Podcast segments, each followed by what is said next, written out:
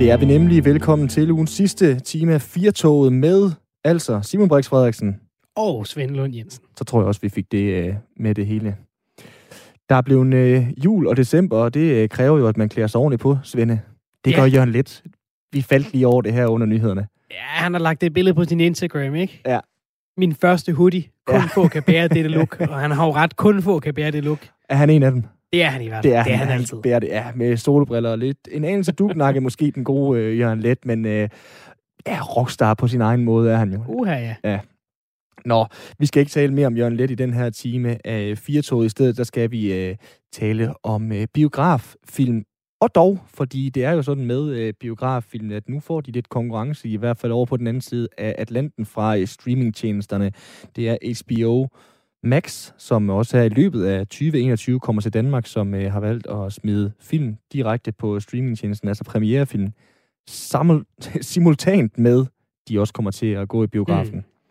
Ja, vi skal tale med Lars Værge, der er direktør for øh, Danske Biografer. Ikke for, øh, han er akut bekymret. Det, øh, det tror jeg ikke, han er, fordi det kommer jo ikke til Danmark lige forløbig. Men vi skal lige, mærke, lige, vi skal, vi skal lige høre om det der biografsæde, han sidder på, om, om han kan mærke, at det begynder at brænde lidt. Ikke? Fordi øh, det, de snakker om derovre i USA, det er, at det her det kun er begyndelsen. Altså, det bliver svært at trække i land igen, når man først er begyndt at udgive biograffilm til folk derhjemme, øh, så bliver vi simpelthen for malige Mm så altså, bliver det svært at trække den tilbage og sige, jo, den, den ånd putter vi lige tilbage i flasken. Nej, det er jo det. Og det, vi er jo vanemennesker, og man kan sige, at på den måde bliver 2020 vel i en eller anden grad et skældsættende år, hvis det her betyder, øh, ja, jeg ved ikke, tror du, vi er derhen, hvor det bliver endeligt for biograferne, at man nu begynder at gå ned ad den her sti? Jeg tror, det bliver et endeligt for nogle biografer. Jeg tror, at, at jeg, er jo ikke, jeg er jo ikke ekspert på det her, men, men, men kan kun tale ud fra, fra min egen øh, holdning. Hvis vi nu skal tale om nogle aktuelle film, så sådan noget som The Matrix 4, den kommer næste år. Og det er Mhm. en af de film, der, der, som man bare kan se derhjemmefra, ja. hvis man vil det. Den kommer også i biografen, men man kan også bare se den derhjemme. Det er sådan en film, den tænker jeg, at hvis jeg skulle ind og se den, så vil jeg nok gerne se den i biografen. Der er noget med de effekter, der er, og lyd, lyden, og øh, hele stemningen omkring det. Men sådan en som Druk, den der danske øh, film, som har været rigtig populær hjemme, den kunne jeg godt bare se derhjemme. Altså, den, den har sådan, den skal jeg bare lige have set, fordi den skulle være rigtig god. Den vil jeg godt have set. Det gør mig faktisk ikke så meget, om jeg ser den øh, i biografen på det store lærred, eller om jeg så bare sætter mig rigtig tæt på fjernsynet derhjemme. Ej, så er det jo også godt, at man efterhånden har så stor fjernsyn hjemme i privaten, at det fylder hele væggen. Så det der med at være i biografen og derhjemme, fem- 55 tommer, eller hvad fanden man nu kan rende rundt med, Svende, så er det fint. Så laver du bare popcornet selv, eller hvad? Ja, ja, ja. ja. Ja, det er Ja, ja, fint. ja. Vi skal også snakke om øh, julehjælp, fordi det er altså ikke alle, som øh, kan stige på det her kæmpe gaveræs, som rigtig, rigtig mange danskere de, øh, gør sig skyldige i her i løbet af december Det var måned. noget af en overgang fra, alle har en stor fladskærm, var? Ja, lige præcis. Den var da meget elegant, synes du ikke det? Jo, jo, det var den. Jo. Nej, det er ikke for sjov. Det er nemlig ikke alle, der har, der har råd til øh, bare at gå ud og holde den jul, de gerne vil. Og det er jo det, det skal handle om. Og Ikke? købe den fladskærm, de gerne vil have. Nej, nej, præcis. Præcis. Og, øh, og, øh, og netop øh, øh, julen er jo, øh, jeg plejer vi at sige, hjerternes fest, men det er jo altså også et tidspunkt, hvor det er godt at hjælpe lidt. Mhm. Øhm, og øh, der kan jo være masser af mennesker, der har brug for hjælp hele året rundt. Men, men netop der i julen, der kan den gøre lidt mere ondt, ikke? Fordi øh, det er jo også på mange måder, på godt og ondt, en forbrugsfest. Og, øh, og øh, man skal nok ikke, hvis man nu for eksempel går i øh, skole, så skal man nok ikke kigge øh, rundt på sine venner særlig længe, Mm. mm. både før jul og især også, når man kommer tilbage øh, i januar, på at se, at der er blevet givet nogle store gaver. Hvis man ikke selv har den mulighed derhjemme, eller hvis ens forældre ikke har den mulighed derhjemme, så er det altså, så er det altså ret godt, at, øh, at øh, vi lever i et land, hvor vi, øh, hvor vi har nogle øh, mekanismer, der kan hjælpe lidt til der. Ja, og nu kan vi jo godt med at klippe Jødes Svende lave en overgang fra øh, store fladskærms øh, tv og øh, streamingtjenester, som vi abonnerer på på både den ene og den anden måde, men der er jo noget, hvad skal man sige, skamfuldt i det her for, øh, for de involverede. Altså, hvor mange... det kan der være i hvert fald. Ikke? mange- Det kan føles øh, svært at række hånden op og sige, jeg har faktisk ikke nok. lige nøjagtigt. Og øh, på trods af, at øh, rigtig mange måske er udfordret med at turde række hånden op og sige, jeg har ikke øh, nok, så øh, er der altså hjælp at hente, og det skal vi blandt andet tale med Blå øh, Kors om senere. Og så skal vi altså runde af med at lave en lille smule optakt på øh, det her med øh, damelandsholdet. Vi tjekker lige, Svende, fordi at øh, siger man kvindelandsholdet, siger man damelandsholdet. Og til alle de lyttere, som må tænke, hvad hedder det? Håndbolddamerne.dk hedder hjemmesiden, men derinde der står kvindelandsholdet. Så på den måde, der øh, fagner vi bredt. Og øh, husk, at øh, hvis du får lyst til i løbet af programmet og øh, blande dig lidt, så kan du gøre det på øh, 72 30 44 44. Det er det nummer, du ringer på. Du kan også sende sms ind til os på 1424. Skriv R4 og så et mellemrum. Du kan jo passende lige skrive lidt ind om det her julehjælp. Har du øh, nogensinde øh, gjort brug af det? Kunne du godt føle, at øh, du havde brug for det? Øhm, og, øh, og hvad synes du om det? Har du måske selv øh, støttet øh, nogen, der, der hjælper i juletiden? Så giv endelig lige dit besøg med øh, 1424, skriv R4 og så et mellemrum, og så din besked. Med det rigtig hjertelig velkommen indenfor her i de næste 50 minutter af øh, dagens og øh, ugens sidste 4 uh, følelsen af at gå ind i biografmørket med en kildende fornemmelse i maven, forventningens glæde og følelsen af at være ude med popcorn, cola og alt det, der hører til under armen. Den kan snart erstattes af bare at smide sig i sofaen med en kop Nespresso og tænde for fjernsynet. I hvert fald i USA, hvor filmselskabet Warner Brothers har offentliggjort, at alle deres 17 film, der kommer i løbet af 2021, de vil få premiere på deres streamingtjeneste HBO Max, samtidig med, at filmene får biograf biografpremiere. Så altså samme dag, du kan se den i biografen, så kan du også bare se den derhjemme. Så hvis man vil være sikker på at se Matrix 4 eller Dune som en af de første, så behøver man ikke længere pakke sovepose og kopnudler og overnat foran biografen. Man kan simpelthen bare klare den hjemmefra. Lars Værge, direktør i Danske Biografer, velkommen til programmet. Tak skal du have. Vi skal skynde os at sige, at det kommer første gang kun til at ske i USA, det her. Altså HBO Max kommer først til Danmark i den sidste del af næste år. Øhm, og årsagen til det her, det er coronavirusens øh, stadige dominans i det amerikanske samfund. Øh, Warner Brothers tror simpelthen ikke på, at, at almindelig biografgang, det øh, kommer til at være en sandsynlighed tidligst øh, før tredje kvartal næste år. Så med de forbehold, at det ikke er noget, der, der ånder dig i lakken sådan akut lige nu, så er der flere, der mener, at det vil være svært at putte den her trold tilbage i æsken. Hvad tænker du som den store biografdirektør her til lands om sådan et tiltag? Den store biografdirektør. Tak for det rosende ord. Tak for, at jeg må være med. øhm, jamen, jeg tænker jo, at, øh, at der er ikke nogen tvivl om, at øh, der, er blevet, der er jo forvejen blevet taget nogle skridt øh, fra forskellige sider øh, i, i retning af noget lignende som det her. Og biograferne har i årvis øh, haft den her fornemmelse af, at streaming kunne blive en stor konkurrent.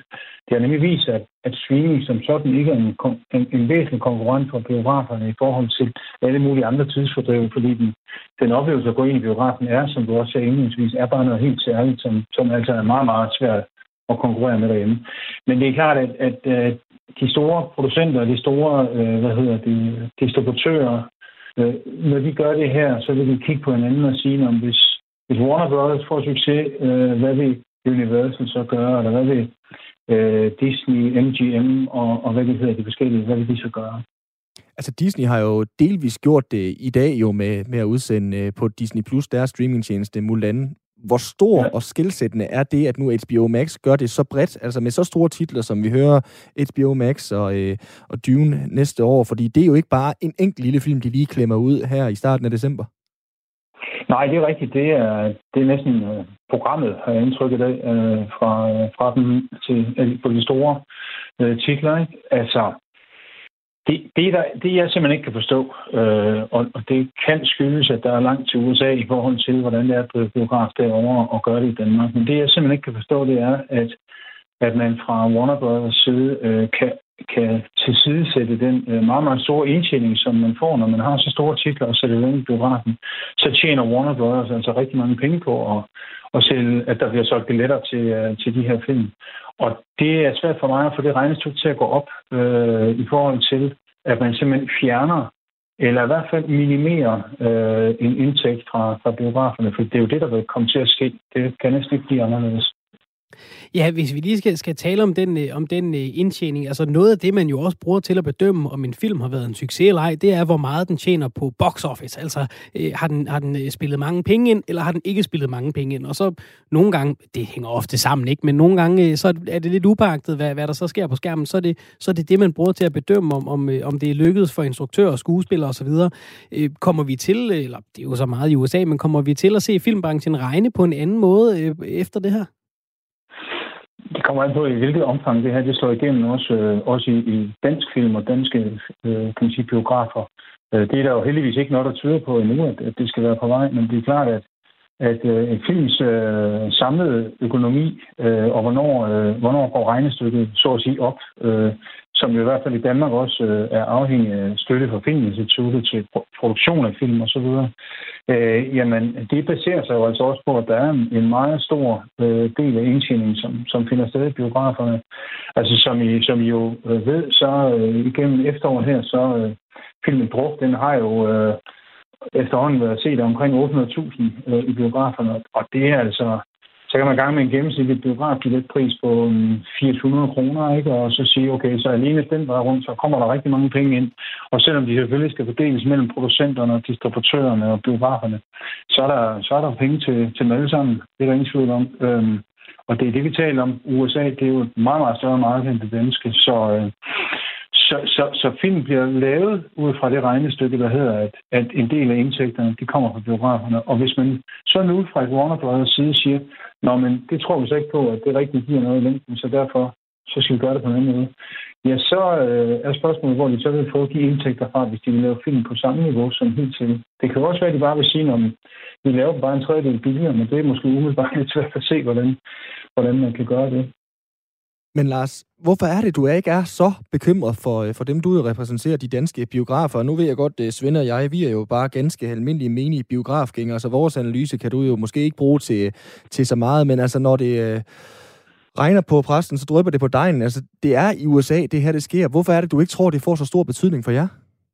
Jamen, øh, det, det, de siger heller ikke, at det ikke får. Øh, jeg forsøger måske bare at indstå en lidt optimistisk tone, fordi der har også været så mange ting i 2020, ja, kan vi som, som har været så pessimistiske og negative over. Øh, og så er det, fordi vi i Danmark har et rigtig godt samarbejde mellem øh, distributionsledet og producentledet og filminstituttet og biograferne. Og dermed øh, har vi en god fælles dialog. Øh, og selvfølgelig vil det være sådan, at dem, der distribuerer øh, de store øh, internationale blockbusters, jamen i Danmark, de vil jo også være under pres øh, fra udlandet, men, men jeg tror faktisk på, at langt hen ad vejen, så er der en forståelse øh, hele vejen rundt om, at, at vi skal finde en løsning i Danmark, som ikke kommer til at ligne den amerikanske på den her måde. Øh, og så ved jeg godt, at hvis vi kigger på, hvordan Disney øh, har lanceret Disney+, Plus, så, øh, så har de i hvert fald i en periode her sagt, at øh, øh hvad hedder det, Mulan øh, går på Disney+, Plus, at øh, Soul går på Disney+, Plus, og det er jo ikke en situation, vi sådan er særlig vilde med, må vi sige. Vi må også bare sige, at det er jo Disneys valg. Og hvis øh, jeg har ret i min analyse, der hedder, at der faktisk er ret store indtægter, hvis man putter film i biografen, jamen så kan det jo godt være, at de på et tidspunkt kommer tilbage og siger, at vi kunne egentlig godt tænke os at komme tilbage på biografplakaten igen. Og vi kan jo sige om de her HBO øh, Max-film, altså de kommer, de kommer til at ligge på, på HBO Max i, i en måneds tid, og så kommer de til at rotere ind og ud, ligesom vi ser andre film på andre streamingtjenester.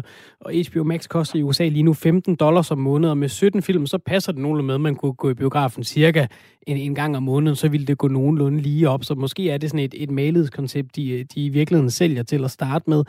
Øhm, vi så med det samme et, et, et, et ikke uvæsentligt aktiefald hos de amerikanske biografudbydere AMC og, og Danmark blandt andre. De er ikke tilfredse med det her mildest talt. Øhm, hvor alvorlig er det her for selve biografbranchen? Altså, øh, Warner Brothers siger jo selv, at, at de tror på, øh, på øh, biografgængeri øh, globalt, altså, og, og der kommer det ikke til at slå igennem endnu. Det er meget en, en corona, øh, et coronatiltag i, i USA. Men er det ikke stadigvæk, altså er det ikke, er det ikke en, en lunde, der bliver tændt? Så godt nok lidt langt væk, men, øh, men du kan stå og kigge på den. Øh, jo, det er det. Og jeg, altså, nu spurgte I før, om jeg ikke var bekymret. Altså, selvfølgelig er det bekymrende, fordi Øh, det, det, der er specielt i det her, det er jo, at lige nu der er der jo kæmpe høj søgang overalt i biograf, ja, i hele verden, kan du sige. Jamen, det er som regel ikke, når båden den er, øh, allermest i sø, eller det høj sø, at man skal begynde at rokke med den, eller eksperimentere med at bruge huller i skroget, eller sådan noget. Der skal man forsøge at, og, og, og styre den øh, sikkert i havn, og så kan man altid eksperimentere og prøve produktudvikle, når der er, øh, kan man sige, mere øh, roligt vejr. Og det er ikke det, der er tilfældet her. Jeg kan ikke gennemskue deres, øh, deres rationale i forhold til at gøre det her. Jeg vil bare sige, at, øh, at, at det ser mærkeligt ud at tro, at man kan lave en løsning som den her i en coronatid. Og så tro på, at når så coronaen på et eller andet tidspunkt, 7 i 13 og bank under bordet, er gået væk, øh, og vi har et mere normalt fungerende samfund igen, at så kan vi gå tilbage til, som det var. Altså, jeg er gammel nok til at vide, at det er altså svært at, at, at tro på, at man kan skrue tiden ret meget tilbage. Øh, tiden, ting udvikler sig øh, lineært og fremadskridende. Og derfor er det lidt underligt for mig at se det, der sker lige nu hvor meget det her handler om at, at finde en færre aftale. Altså fordi Universal, et andet filmselskab, de har en anden aftale om deres film, hvor filmene kører i biograferne i 17 dage, og så kommer de over på streamingtjenester, og så endda med noget af overskuddet fra de øh, streamingtjenester, øh, der ryger biografernes vej bagefter. Mm. Ja, og, og det er også blevet spurgt om tidligere. I Danmark er det jo sådan, at der er generelt, øh, det hedder et hold-back-vindue, altså som giver biograferne en eksklusivitet i en periode på cirka fire måneder. Øh, i den periode ved vi, at der kommer filmene ikke til streaming eller ja, gamle dage. Jeg tror virkelig, den, er, den, den stammer helt tilbage fra, man lavede VHS-bånd og solgte i, i, i supermarkeder og så videre. Men, men, men det, den, der er sådan en eksklusiv periode i Danmark, som er ens for det hele og fire måneder. Og øh, jeg vil spørge, hvad synes vi om 17 dage, og så det der kort, hvor der er noget til, til biograferne. Og mit svar var dengang, og vil egentlig være det stadigvæk, altså biografer vil allerhelst tjene penge på, at der kommer gæster i biograferne, og at de har gode oplevelser og kommer igen. Øh, biografernes sekundære indtægt, jamen det kan så være, at vi sælger popcorn, sodavand, øh, et glas vin, en kop kaffe, eller hvad det nu kan være i forbindelse med biografbesøg. Men at få overskud af noget, som ikke finder sted i biografen, det er i hvert fald øh, det er ikke noget, der ligger helt naturligt til os. Der er biograffolk i Danmark. Øh, det er rigtige mennesker, der gerne vil se, at der er gang i butikken. Øh, og, og det virker lidt underligt at tjene penge på, at der så kommer mindre gang i butikken det her holdback-vindue på fire måneder i Danmark fra en film kommer i biografen, til man kan finde den andre steder, er det noget af det, man måske kunne, kunne skrue lidt på i Danmark for at, at, at prøve at tage, tage forskud på et opgør med, med sådan en tendens med, med film, der går til, til streaming? Øh, fordi jeg kan huske, jeg har da mange gange tænkt, hold da op, man skal vente lang tid i Danmark. I USA, der er det vindue på, plejer at ligge på måske sådan 90 dage i stedet. Mm. Jo, men altså, det er jo noget af det, som biograferne generelt ofte bliver spurgt om, med større eller mindre øh, direktehed og større eller mindre øh, høflighed fra, fra nogle af de andre aktører i branchen, det er, øh, kunne, vi ikke, øh, kunne vi ikke lave det der vindue øh, lidt kortere? Øh, det, det er klart, at øh, det, øh, det lige nu er meget biografernes interesse at sige, at det, øh, det har den længde, det har. Velvidende, at der er nogle film, der dybest set aldrig rigtig får et liv i biograferne, og derfor går der lang tid, før de kommer ud. Øh, men vi vil bare sige, at, øh, at, at vores holdning er den, som jeg gav udtryk for før. Vi kommer ikke til at diskutere den slags øh, lige nu, hvor det hele det stormer og suser rundt om os, men på et tidspunkt, hvor at, øh, vi kan sætte os øh, ned og bruge tid på at få analyseret vores forventninger øh, i biograferne, øh, men også branchens forventninger i de forskellige led. Og også givet det faktum, at øh, det faktisk er en del af den danske øh, filmaftale med Kulturministeriet og Filminstituttet, at øh, der skal kigges på det her i forhold til de danske film. Så skal vi selvfølgelig have set på det, men, øh, men, men vi, vi holder os så fast i, at, at lige nu der, der er der ikke behov for at ændre på de grundlæggende strukturer. Nej, og så står I jo ikke nødvendigvis klar med, med fakle og, og høtyv over for Warner Bros. Det kan også godt være, at det er lidt at kæmpe op af uh, Fight a Losing Battle, Lars Værre. Men altså, hvilke tiltag kan I tage i brug for at blive ved med at lokke os danskere i biografen, hvis det her det kommer til Danmark? Mm.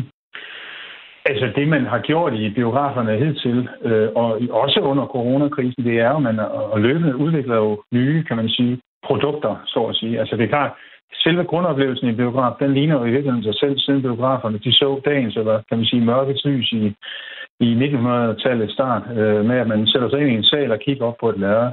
Så er der mere komfort i dag, og bedre lyd og billede osv., men det er i bund og grund jo det samme, der drejer sig om. Men på det lærred har man jo i de senere år for eksempel set, at, at en række danske biografer transmitterer operaer fra udlandet, der er også blevet eksperimenteret med at vi Champions League. Øh, det er jo nok sjovest de år, hvor de danske hold gør det godt i Champions League, men, men det har man jo også haft.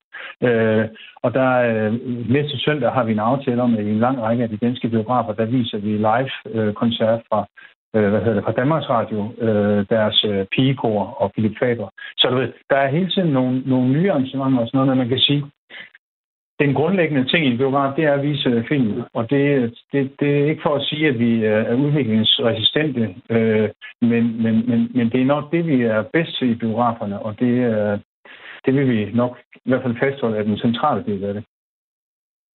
Og så lige, hvis du skal have sælgerhatten på her øh, til sidst, Lars Værge, altså hvad giver det at gå i biografen? Nu talte øh, så og jeg her i starten om, at øh, fjernsynet de er blevet så store, og kaffen i kaffemaskinen de er blevet øh, så nemme at lave, at, at det er fint at sidde og se en også god film hjemme i dagligstuen. Men hvad er det, det giver at gå i biografen, frem for at se den hjemme i dagligstuen? Ja, men når du sidder hjemme i dagligstuen, der bliver du, altså i biografen bliver du ikke generet af, at din svigermor ringer og forstyrrer dig. Og så kender du ikke min svigermor. Hun kommer og banker på ind i biografen. Undskyld, Simon. ja, så er der opvask.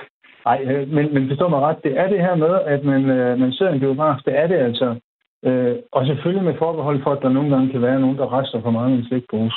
Men du går ind i en biograf, og det er den oplevelse. Du er helt omsluttet af, af mørke og fed lyd, og du sidder øh, godt og har frit udsyn og så videre. Og der er ikke nogen ting, der forstyrrer dig. Du har sat to timer af typisk til det. Øh, det er sådan en selvforkælelse på et eller andet niveau, hvor man kan sige, at du kan måske også få din øh, mand eller kone til at massere dine skuldre, men nogle gange så giver det bare et bedre resultat, at du lige bruger en time på at gå ned til en professionel massør, for det gjort. så er det en opfordring i hvert fald givet videre. Øh, Lars Værge, tusind tak, fordi du var med her. Det er godt. Tak fordi jeg måtte. Ja, og god weekend, når kommer til det. Jo tak. Direktør altså i de danske biografer.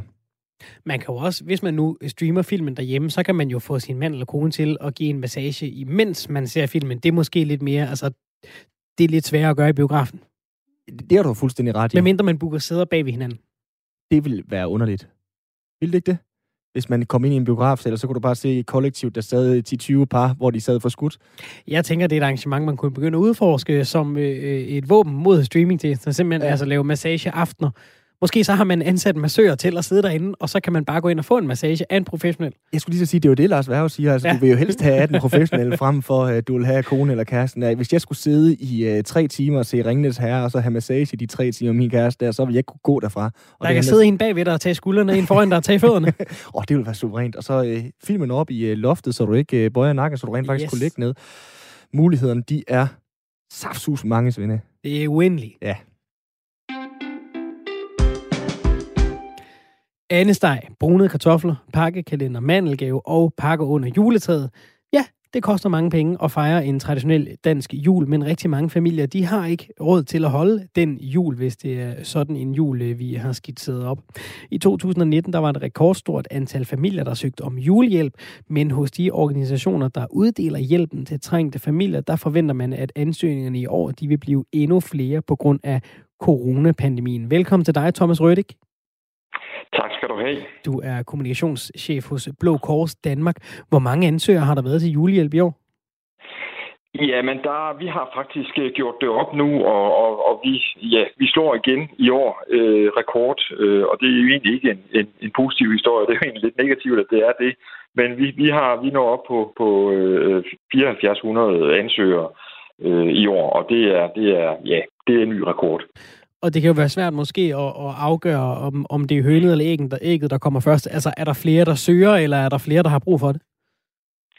Ja, men altså, vores vurdering er, at der er øh, flere, der søger, og der er flere, øh, der har brug for det. Altså, øh, det, det, det mærker vi jo. Vi har jo øh, indsatser ud over hele landet. Vi har masser af familienetværk, der, hvor vi, hvor vi øh, er sammen med de, de øh, sårbare danske familier rundt omkring i hele landet, og vi har jo institutioner over hele landet, og der er det, der er det stort set det samme, vi mærker, at øh, de her børnefamilier, de har været rigtig, rigtig hårdt ramt øh, øh, af coronavirus. Øh, ikke så meget, at de er blevet, blevet syge af det, men, men de, er, de er blevet ramt indirekte. Øh, isolationen og, og så videre har været med til at, at præge de her familier og, og det går i særlig høj grad ud over børnene, og derfor så er vi jo glade for, at vi øh, samtidig med, at vi har rigtig mange ansøgere, så har vi faktisk også øh, i år øh, øh, mulighed for at hjælpe endnu flere, end vi gjorde sidste år. Så det, det, det er faktisk den positive del af det. Vi, vi har fået mange øh, private bidragydere, har, har været ude og give os øh,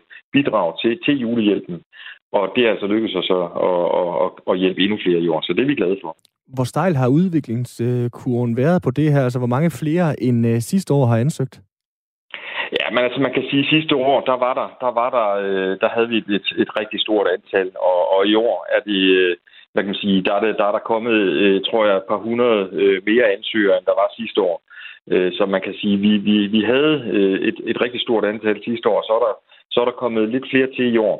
Øh, og det er særligt øh, Aarhus og, og, og hovedstadsområdet, der, der trækker hvad kan man sige, udvikling. Så det er, det er særligt i de områder, at, øh, at der har været ekstra mange ansøgere i år. Hvad skal der til for, at man kan få julehjælp? Altså skal man, er det, er det at man øh, har en, en indtægt under et, et vist niveau? Er det, at man er arbejdsløs? Hvad, hvad, hvad, hvad gør hvad er udslagsgivende? Ja, men altså, der, der er jo forskellige øh, hvad kan man sige, kriterier i forskellige organisationer. En af vores, hvad kan man sige, øh, vores, vi er en organisation, der hjælper øh, udsatte familier i Danmark, øh, og vores, vores julehjælp, den går til børnefamilierne.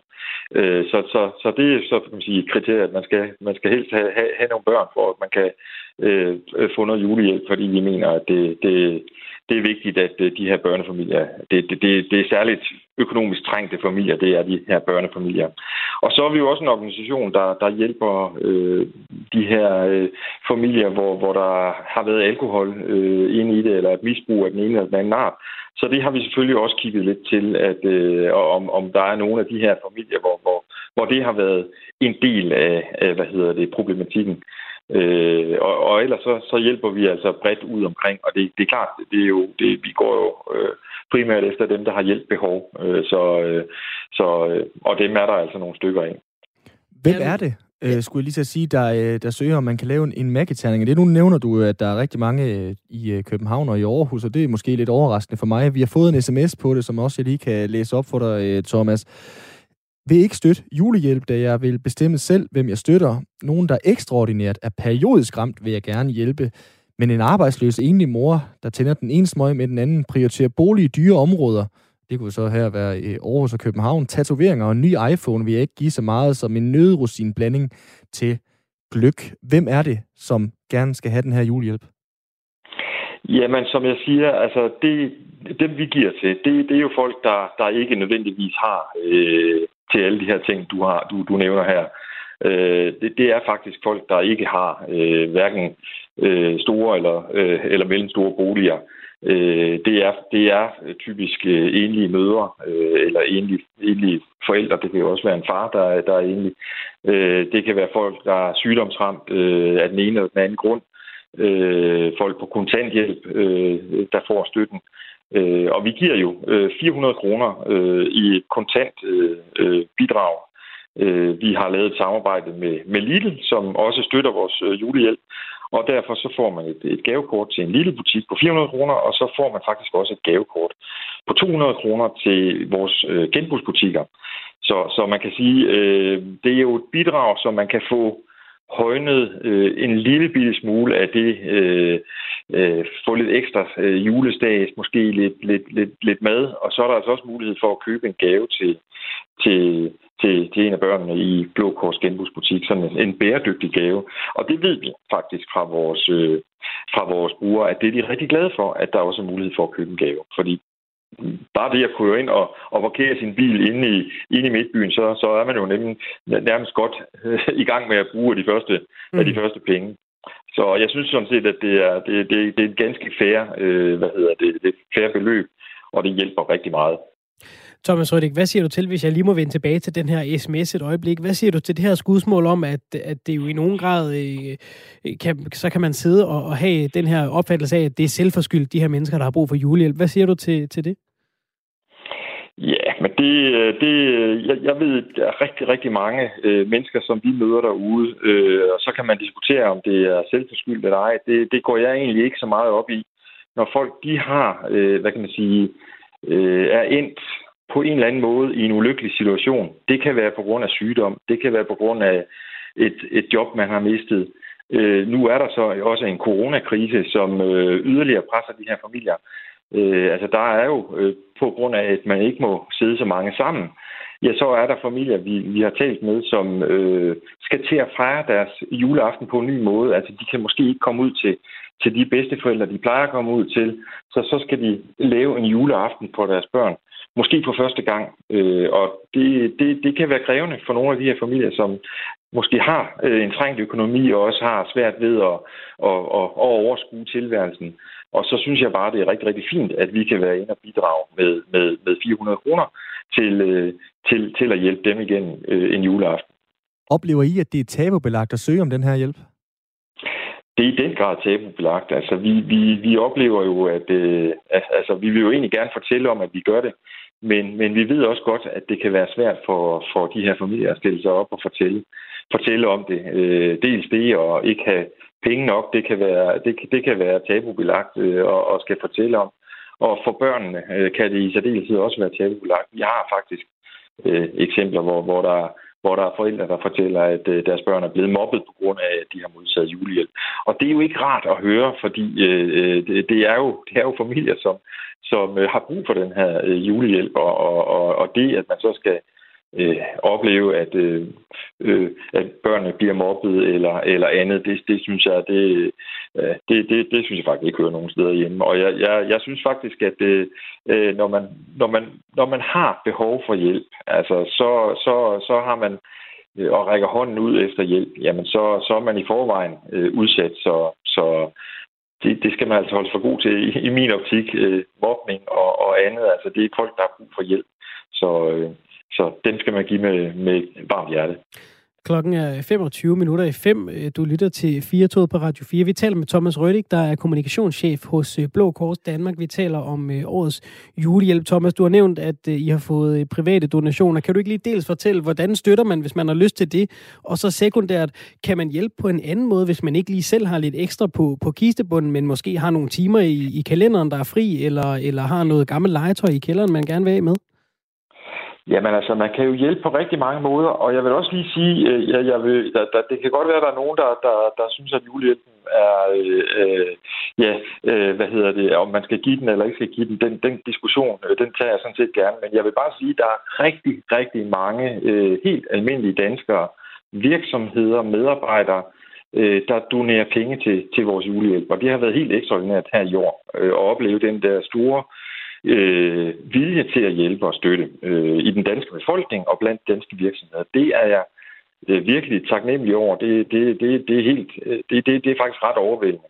Altså så sent som i dag har jeg fået et, et telefonopkald fra et par par unge fyre, som vil ud og gå en, øh, en mars for julehjælpen, øh, og, og på den måde vil de, de vil gå et 24 timers øh, øh, gang, hvor de skal samle penge ind undervejs. 100 km, 100 km vil de gå på 24 timer, og så vil de samle penge ind undervejs. Altså det er bare sådan lige fra i dag, der har været sådan et opkald, ikke? Og, og når vi får de her penge, altså hvis man giver 400 kroner til vores julehjælp, så går de 400 kroner ubeskåret videre ud til, til, til en støtte, og så ligger vi så som sagt altså de her Øh, 200 kroner oveni til vores øh, genbrugsbutikker. Øh, så, så hvad kan man sige, der er ikke noget, øh, der er ikke nogen, øh, hvad kan man sige, af, af de her penge, der går til et eller andet andet. Pengene går fuldstændig ubeskåret en til en øh, til, til julehjælpen. Så, øh, så hvis man har lyst til at støtte den, jamen så skal man, så skal man bare øh, tage fat i os. Øh, og, og, og vi har, vi har faktisk også fået mange henvendelser fra folk, som gerne vil øh, være frivillige, gøre en frivillig indsats her i julen. Øh, det er jo en, en jul, som bliver på en ny måde. Altså, vi plejer jo i Blå Kors at arrangere øh, hvad sige, juleaften rigtig mange steder øh, rundt omkring i landet, øh, i vores herberg og så videre. Det gør vi også, men nu skal vi jo være færre mennesker, og vi skal passe på hinanden, så det bliver på en ny måde. Men øh, vi, vi, jeg lover, at vi gør alt, hvad vi kan for, at, at øh, der kan også blive en, en nogenlunde normal juleaften for, for de mest udsatte og hjemløse i landet over. Vi skal i hvert fald nok forsøge at gøre det både sikkert og, og hyggeligt for alle. I hvert fald også god jul til jer hos øh, Blå Kors Danmark. Tak fordi du var med her, Thomas Røddig. Det var så lidt, og, og rigtig glædelig jul til jer, og så god weekend. Ja, tak. tak. Udover Blå Kors Danmark, så kan man blandt andet søge om julehjælp hos øh, Møderhjælpen, Dansk Røde Kors og til hos Frelsens her. Øh, og hvis man sådan skal prøve at øh, kondensere ned, hvad det egentlig betyder at få den her julehjælp, øh, så kan vi jo passende ringe til en af dem, der har ansøgt om julehjælp i år. Det har du, øh, Helle Dam. Velkommen til programmet. Jo, tak skal du have. Hej. Hvor meget giver det dig at få øh, julehjælp? Jamen, det, øh, det giver rigtig meget. Sådan i en måned, hvor, hvor man skal, skal hente flere ting hjem for at jamen, få en hyggelig jul. Også for børnenes skyld særligt. Hvorfor så det giver rigtig, rigtig meget for noget hjælp. Ja. Ja, ja, og hvorfor søgte du om øh, julehjælp? Det, det kan jo selvfølgelig være øh, bøvlet at forklare øh, ungerne, hvis de ikke skal have øh, en julegave. Men hvad er det, der øh, lå til grund for, at du har ansøgt om den her julehjælp? Jamen, det, det der ligger til grund, det er, at jeg har prøvet det også øh, tidligere år. Øh, altså, vi... Øh, jeg har ikke så meget at gøre med, kan man sige, som alene mor og, og to børn. Og de, nu er de ikke så små mere, men, men de er jo stadigvæk mine børn. Øh, og for at de kan få en god jul og føle, at de også, hvad skal man sige, kan være med i samtaler og, og den der nærvær og hygge der, for eksempel på skolen, for ikke at føle sig for meget udenfor, så synes jeg, det er rigtig, rigtig dejligt. Man kan komme og fortælle, at man har fået en julegave og sådan nogle ting.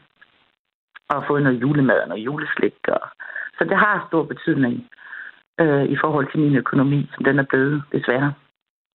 Og Helle, nu kan man jo nogle gange snakke om, at, at det her gaveræs i Danmark, det har taget overhånd i en eller anden grad, og så kan man tale mm. om uh, first world problems. Kan du ikke prøve at opklare for, uh, for lytterne derude, hvorfor er det, det er så vigtigt, at uh, for eksempel uh, dine unger, de får en uh, julegave, og du ikke bare forklaret dem, at sådan er det desværre ikke i år. Det har vi ikke uh, råd til, og I har altså en, uh, en rigtig fin tilværelse, selvom I ikke får en julegave.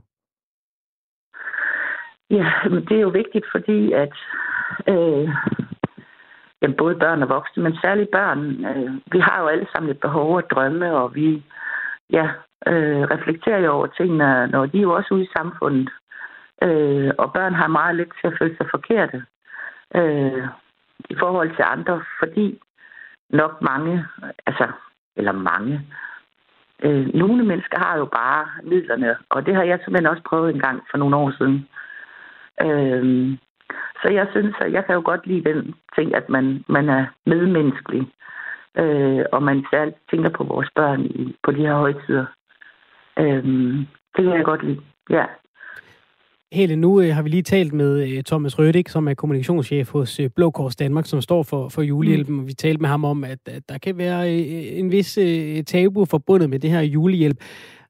Et, var det svært for dig at, at nå frem til at søge om det? Og to, er det svært at tale om det her i radioen?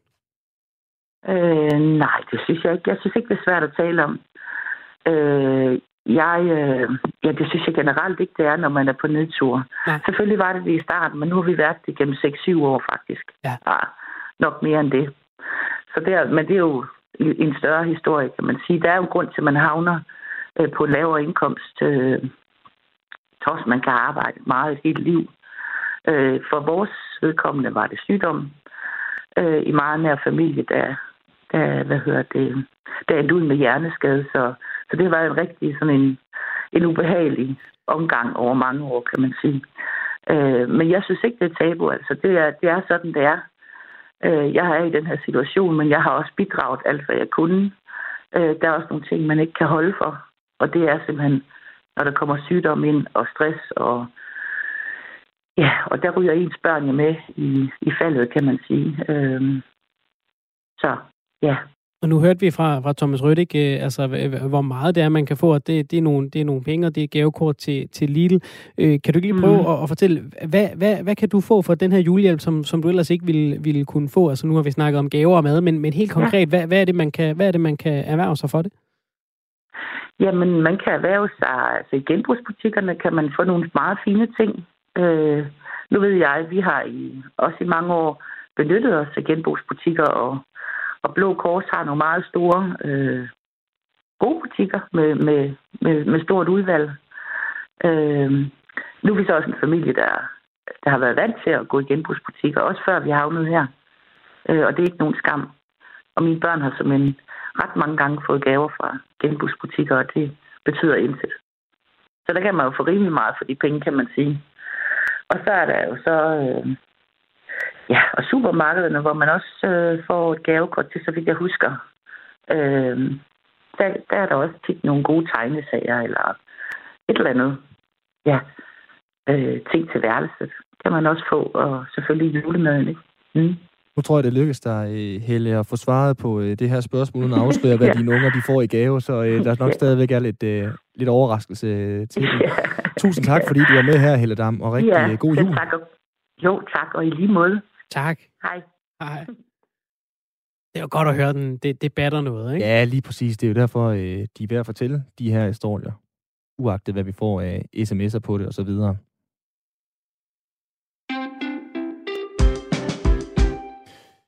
Nu skal jeg prøve at lave en øh, let og glidende overgang. Det kan jeg nok heller ikke øh, her, Svende. Hvad var det, jeg fik gjort det tidligere i programmet? Der snakkede jeg om 55 tommers øh, fladskærms-tv hjem på øh, husalteret, og så skulle jeg tale om øh, folk, der ikke har råd til julegaver. Vi skal tale om håndbold nu, fordi ja. at øh, de her minder om øh, dygtige øh, håndboldkvinder, som øh, vi har haft alle sammen. Altså jeg kan huske Aalborg, hvor jeg er fra, Aalborg DH, dengang de øh, spillede for fuld hus i Gigantium, og Annie Andersen var forbi med slagelse, og hun simpelthen udvandrede midt i første halvleg. Annie Andersen, fordi hun følte sig bortdømt. Og tilskuerne var vanvittige. Altså, det var jo suveræne minder at have. Der er sket lidt med damehåndbolden siden. Ja, vi gik jo alle sammen, der gav fuckfingeren ned i skolegården og legede jo Vanja Andersen, ikke? ja, lige præcis. Og øh, det var altså i klubhåndbold, men Anja Andersen var jo også en del af de her jernhårde ladies, som øh, er tryllebandt også på øh, tv-skærmen og øh, nærmest gjorde rent bord med, med titler. Og øh, det har jo ligesom været en anelse svært at øh, hive så mange titler hjem, som, øh, som de gjorde. Og mindre kunne selvfølgelig også gøre det, men ikke siden... Øh, Ja, hvad blev vi enige om? OL 2004 har vi øh, vundet en, øh, en guldmedalje ved et større øh, mesterskab, og der har altså været nogle, nogle genstart af det her kvindelandshold. Hen over efteråret, der er DR sendt en øh, fireafsnits dokumentarserie om genrejsningen af det her folkeklenodi allemandsejet, dem vi engang kaldte øh, Jernhårde Ladies. Det blev i stedet et øh, indblik i øh, Claus Brun Jørgensen, den nu tidligere landstræners kamp med og mod spillerne om, hvordan øh, hele befolkningens pessimisme, pessimisme og uh, eko, det, det hang på holdet. For øh, vi er jo forvente december julekalenderen for Forenings Danmark. Det har i mange år været højintense håndboldkampe i verdenseliten, og den verdenselite, den tilhørte Danmark. Nu er vi i gang med endnu en genrejsning med EM, der starter her i dag i øh, Danmark. Lærke Møller, øh, tidligere landsholdsspiller, nu ekspert på TV2's håndbolddækning. Velkommen til. Tak skal du have. Hvor står Danmark i forhold til det her med at være en del af verdenseliten? Jamen, øh, der er rigtig mange gode nationer om, om budet, og verdenseliten er blevet øh, meget bredere end meget tidligere, så der er mange hold omkring det. Og Danmark ligger sådan lige i subtoppen i forhold til at kan vinde medaljer hver år, som det ser ud lige pt. med, med vores håndboldlandshold. Så hvor langt er vi efter, kan man sige, i verdenseliten? Jamen, de helt store spillere lige nu, det er jo Norge, Rusland og Frankrig.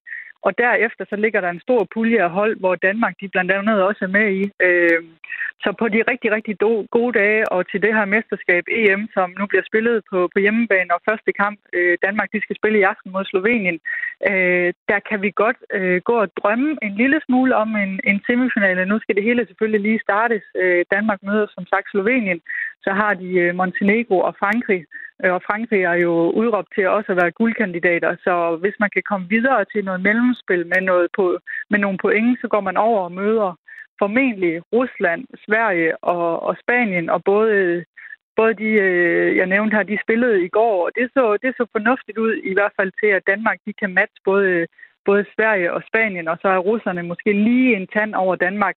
Så øh, et, et lille håb og en lille drøm, det kunne altså godt være en semifinal til det her mesterskab. Der er kommet nye landstræner i, i Jesper Jensen, og holdet har et kæmpestort potentiale, men øh, nu skal vi lige have det hele skudt i gang først i, i aften.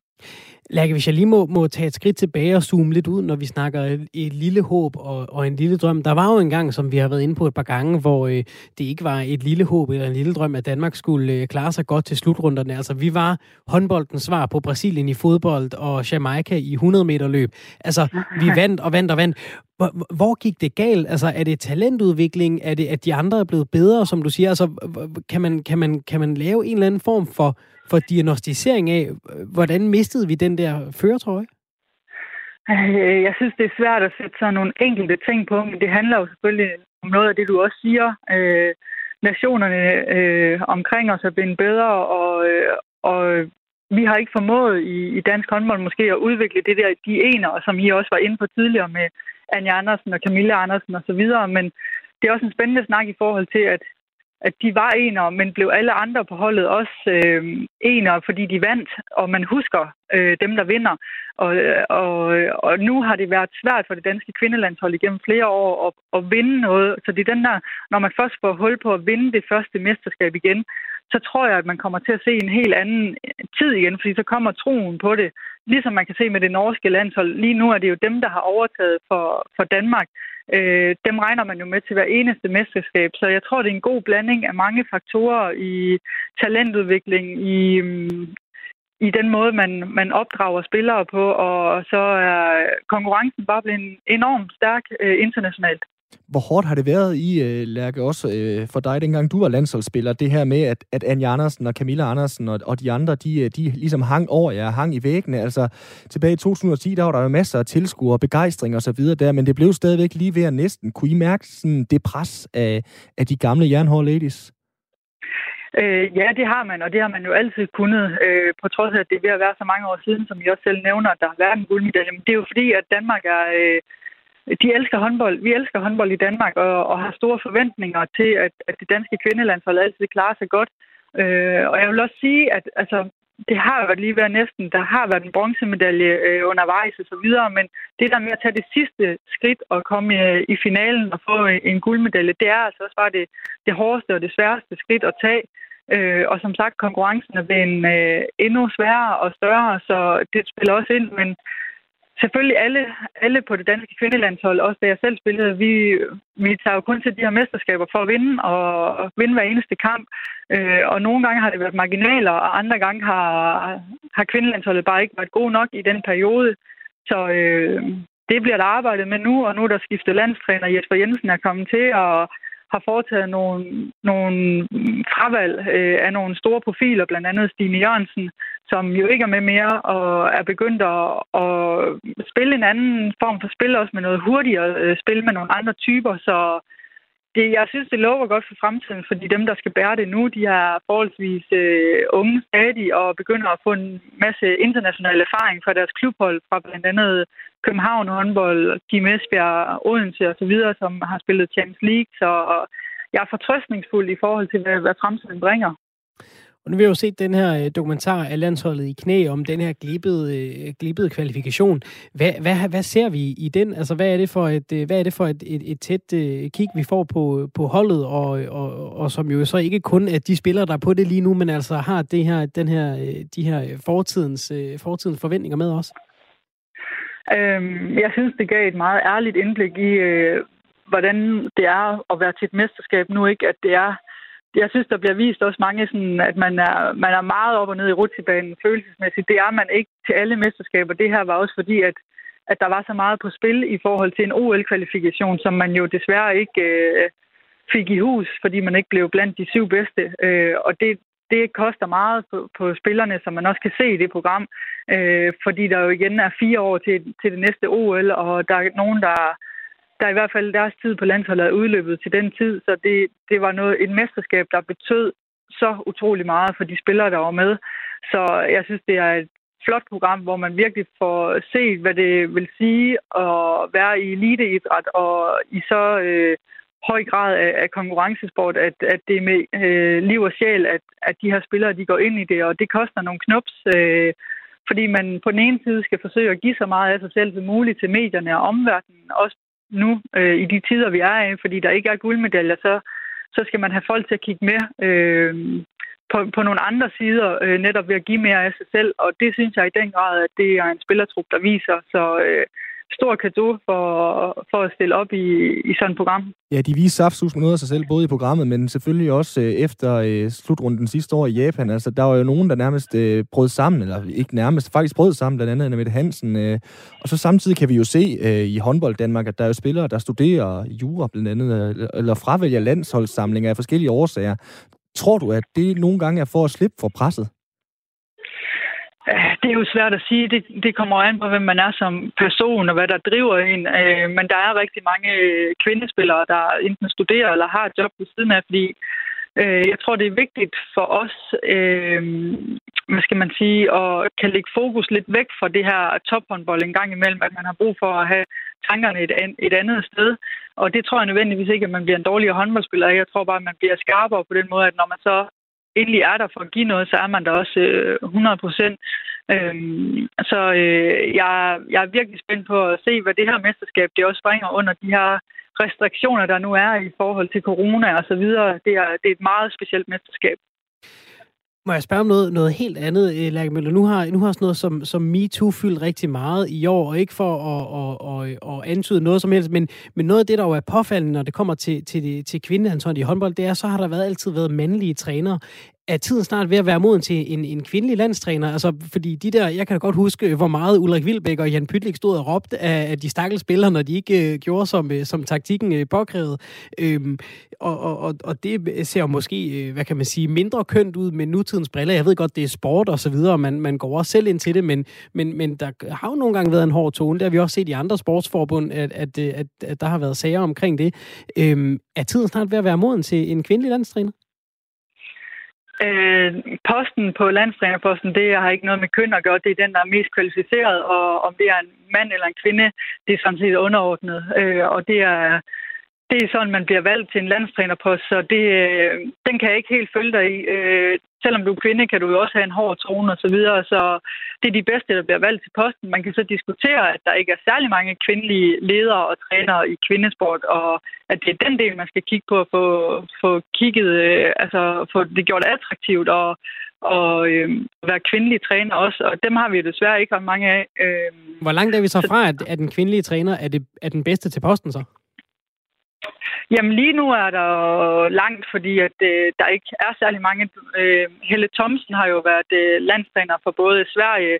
Øh, hun er jo dansker og har trænet forskellige storhold og var jo også på papiret ind over landstrænerposten til, øh, til, til Danmark, hvor der var flere kandidater, hvor Jesper Jensen også var iblandt, som nu er blevet valgt. Så DHF har jo holdt forskellige samtaler med forskellige øh, trænere, og de har jo så vurderet, at det er Jesper Jensen, der skulle flytte kvindelandsholdet det næste skridt.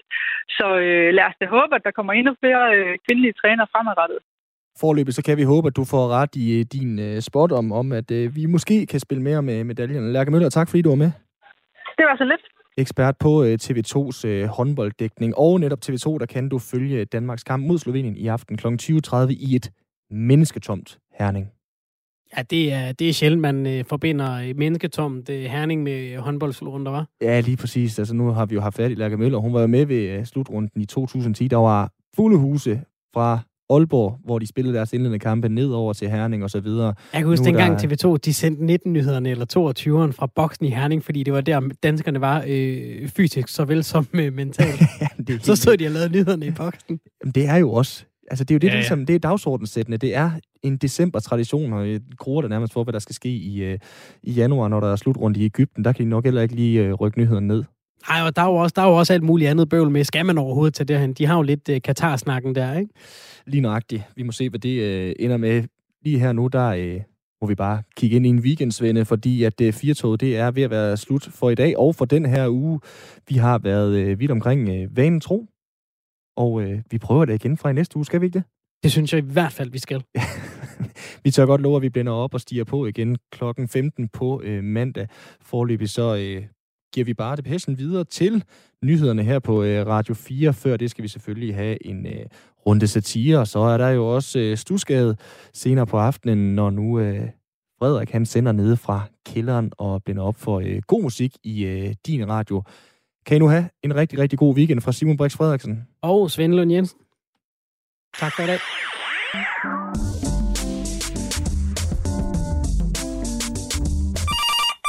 Radio 4 Lytter Service, du taler med Esben.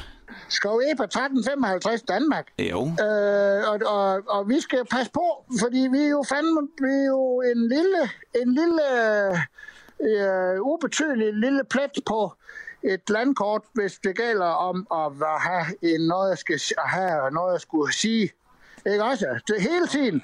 Og, de, og øjnene er rettet på os, når, øh, når vi gør noget, ikke også? Vi jo, står jo, har jo mange gange i Danmark været nogen, der sådan får øh, bliver kigget på til nogen, der gør noget godt. Og, men vi skal lov for, at vi kommer i, i, i søgelyset, når vi gør noget galt. Du ved. Nu er vi i en situation, hvor vi ser det her, altså, ja, det, var, det, var, det kunne have risikeret, Steffen, at de her, hvad, her det, vacciner, de er gået, i, gået fløjten, hvis, øh, hvis mutanterne de har taget over, ikke også? Så har den vaccine ikke været noget til nogen nytte overhovedet. Mm, okay. Ikke også? Ja. Men noget, den er en som mig, hvis vi skal tage vi kunne, og det er sjovt, ikke? Nogen har kommet lige forkøbet på noget med noget. Hvorfor er det ikke nogen, der har brokket sig over det? Altså, jeg synes det er, jeg ligeglad. Men det er sjovt, ikke nogen, der har brokket sig over at, uh, med vaccinerne. Ikke også? Hvis du tænker på, hvor mange gange, jamen, du tænker på, at det, så må det ikke have, så må det ikke have formand, og så må det ikke have, altså, det må aldrig have noget med mand, men det, i en demogan, det kunne da godt være nogen, der kunne brokse over. Det må godt hedde en vaccine. Ikke? Sine her, sine en vaccine. Ikke? Og det, det, det, kunne lige så godt hedde en vax Anders, eller, eller noget vax Johnny. Ikke? Kan du se? Skal du have en Vax Johnny? så ligesom om det var en, men jeg drikker Vax Johnny. Det er ligesom en sodavand. Det er Vax Johnny. Ikke? Og Anders Sand og Anders Signe Ja, jo. øh, og Rip Rap Rup, ikke? Du, kan du se, det er da rent pap, og ved du hvad? Gak og gøjl, ikke? Altså, hvorfor fanden er det der i vaccine? Anders, det kan de ikke have, vel? Men du, det kunne du godt, du kan vente se. Der skal være nogen, der brokker sig over, for når det ikke er mere broks over, at det, her, at det er et, kvindenavn på en va- vaccine. Dog. Ja, Ikke? okay. Ja, Det kan du det, det bliver den, yes, er lige forkøbet. Det bliver det næste, Steffen. jo, okay. Det er også? Hej, du. Ej.